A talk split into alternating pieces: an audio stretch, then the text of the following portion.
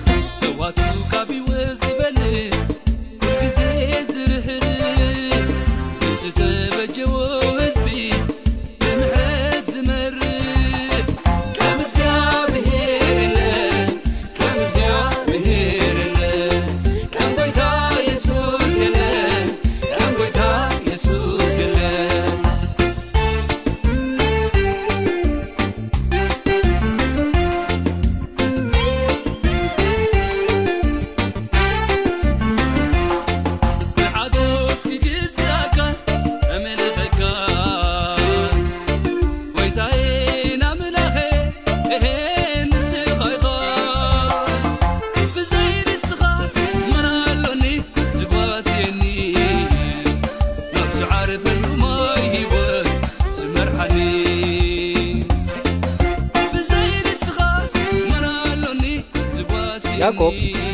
ሓወ ኤሳው ካብ ኤሳው ፍልይ ዝበለ ባህሪ ዝነበሮ ሰብ ከም ዝነበረ መፅሓፍ ቅዱስ ይዛረበና እዩ ፍልይ ዝበለ ባህሪ እዩ ነይሩ እቲ ሓደ ባህሪኡ ትኩር እዩ ነይሩ ትኩር እዩ ነይሩ ብምስትውዓል መፃኢ ህይወቱ ዝርኢ ሰብ እዩ ነይሩ ብጣዕሚ ካብ ኤሳው ንላዕሊ ማለት እዩ ኤሳው ምንም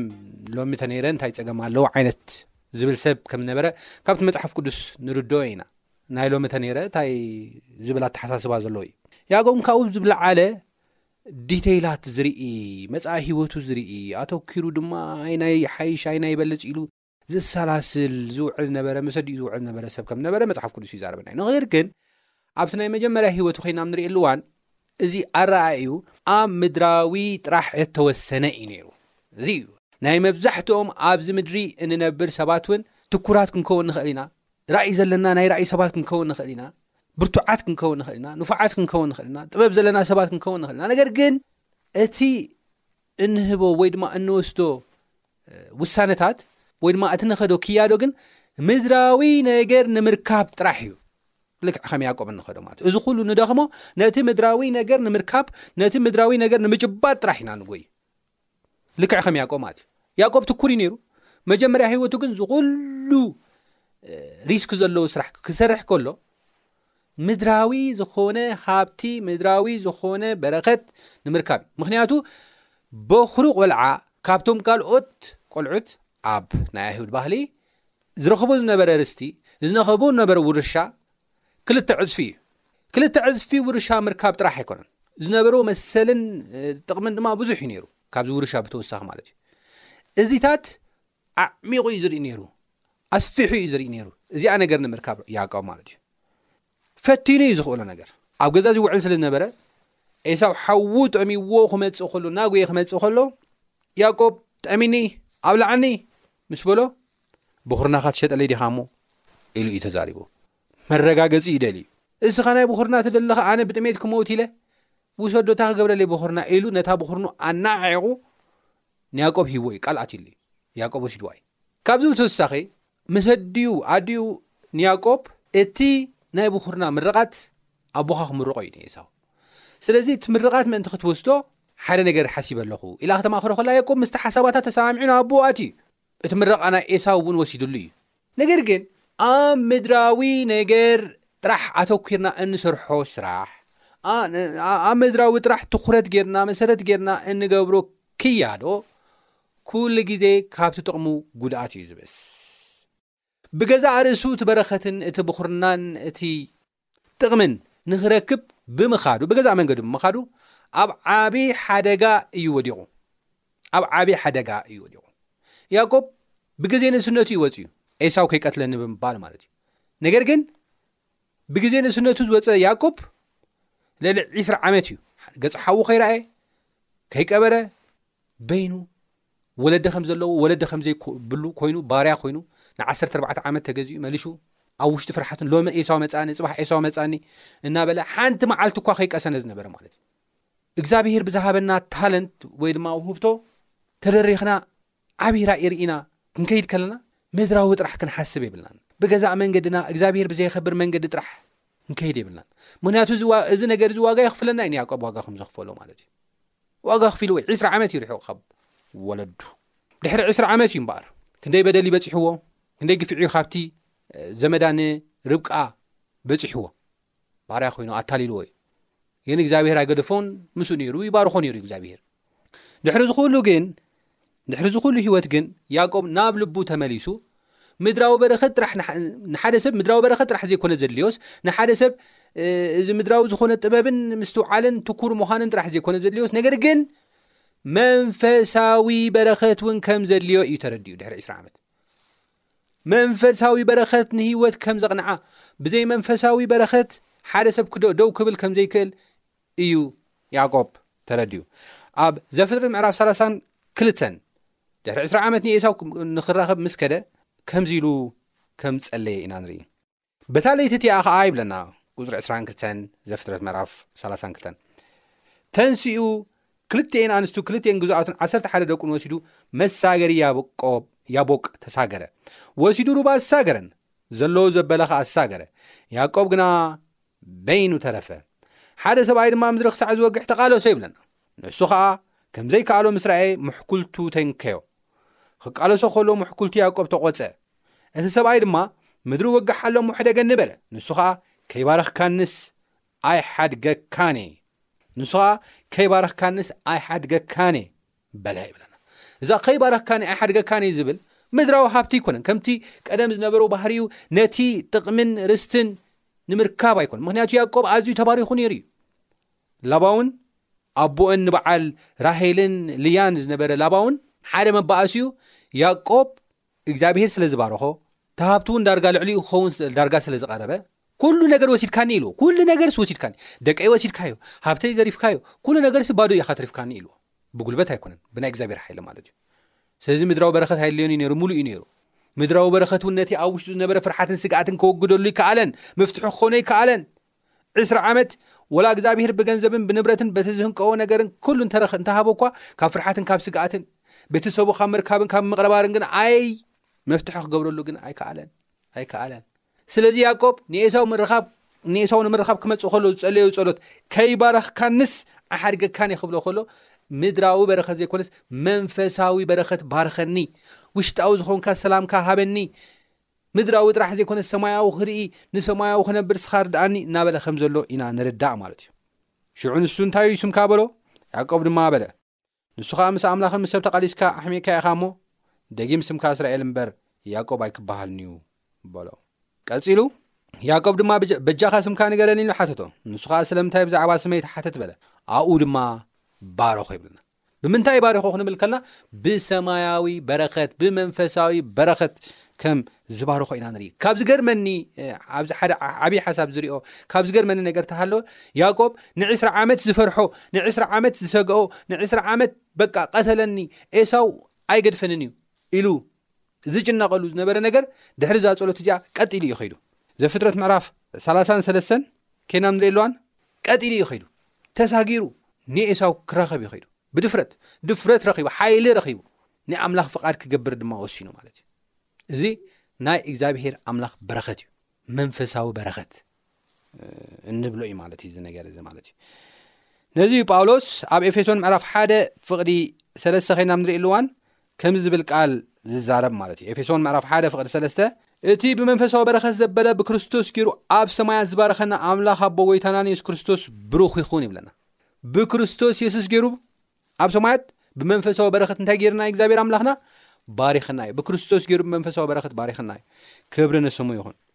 ብመንፈሳዊ በረኸት ገይሩ ባሪኽና እዩ እዚ መንፈሳዊ በረኸት እንታይ እዩ ኢልና ክንጠቅስ ከለና ኣትሊስት ሰለስተ ነገራት ንምጥቃስ ኣብ ኤፌሶን ካብ ዝተጠቕሰ ጥቕስታት ሓደሓደ እናወሰደ ዝጠቐሶ ነገራት ተቐዳማይ ምንጋፍና እዩ ተናጊፍና ኢና በጃ ከፊሉ ኣድሒንና እዩ ድሒንና ኢና ገዚእና እዩ እንደገና ናቱ ገይርና እዩ ኤፌሶን መራፍ ሓደ ካብ ቁጥሪ ሰለስተ ክሳብ ሓሙሽተ ከይደም ኣብ ዘንብበሉዋን እቲ መንፈሳዊ በረኸት ዘበለ ብክርስቶስ ገይሩ ኣብ ሰማያ ዝባረኸና ኣምላኽ ኣቦ ጎይታና የሱስ ክርስቶስ ብሩኽ ይኹን ምስ በለ ከምቲ ብፍቕሪ ኣብ ቅድሚኡ ቅዱሳን መንቅብ ዘይብሎም ምእንቲ ክንከውን ቅድሚ ምስራት ዓለም ብኡ ዝሓረየና፣ ቁጽሪ ሓሙሽተ ኸኣ፣ በቲ ፍቁር ብኡ ዝጸገወና ንውዳሴ ክብሪ ጸግኡ ብፍታው ፍቓዱ ብየሱስ ክርስቶስ ንርእሱ ውሉድ ክንኮኖ ቀደም መደበና። ብኡ ብደሙ ምድሓን ማለት ከምታ ካብ ጸግኡ ሕድገት ሓጢኣት ኣለና ይብለና። እቲ ሓደ ዓቢ ብየሱስ ክርስቶስ ዝሃበና መንፈሳዊ በረኸት ተሃለወ እንታይ እዩ ምንጋፍ እዩ ምድሓን እዩ ምድሓን ኢና ረኺብና ተናጊፍና ኢና ካብ ሓጢኣት ድሒንና ኢና ወጺና ኢና ዝብል ሓሳብ እዩ ዘለዎ ማለት እዩ ብጣዕሚ ደስ ዝብል ሓሳብ ኣናጊፍና እዩ ጎይታ እቲ ካልኣይ ሓሳብ ከዓ ከይናም ንሪእሉ እዋን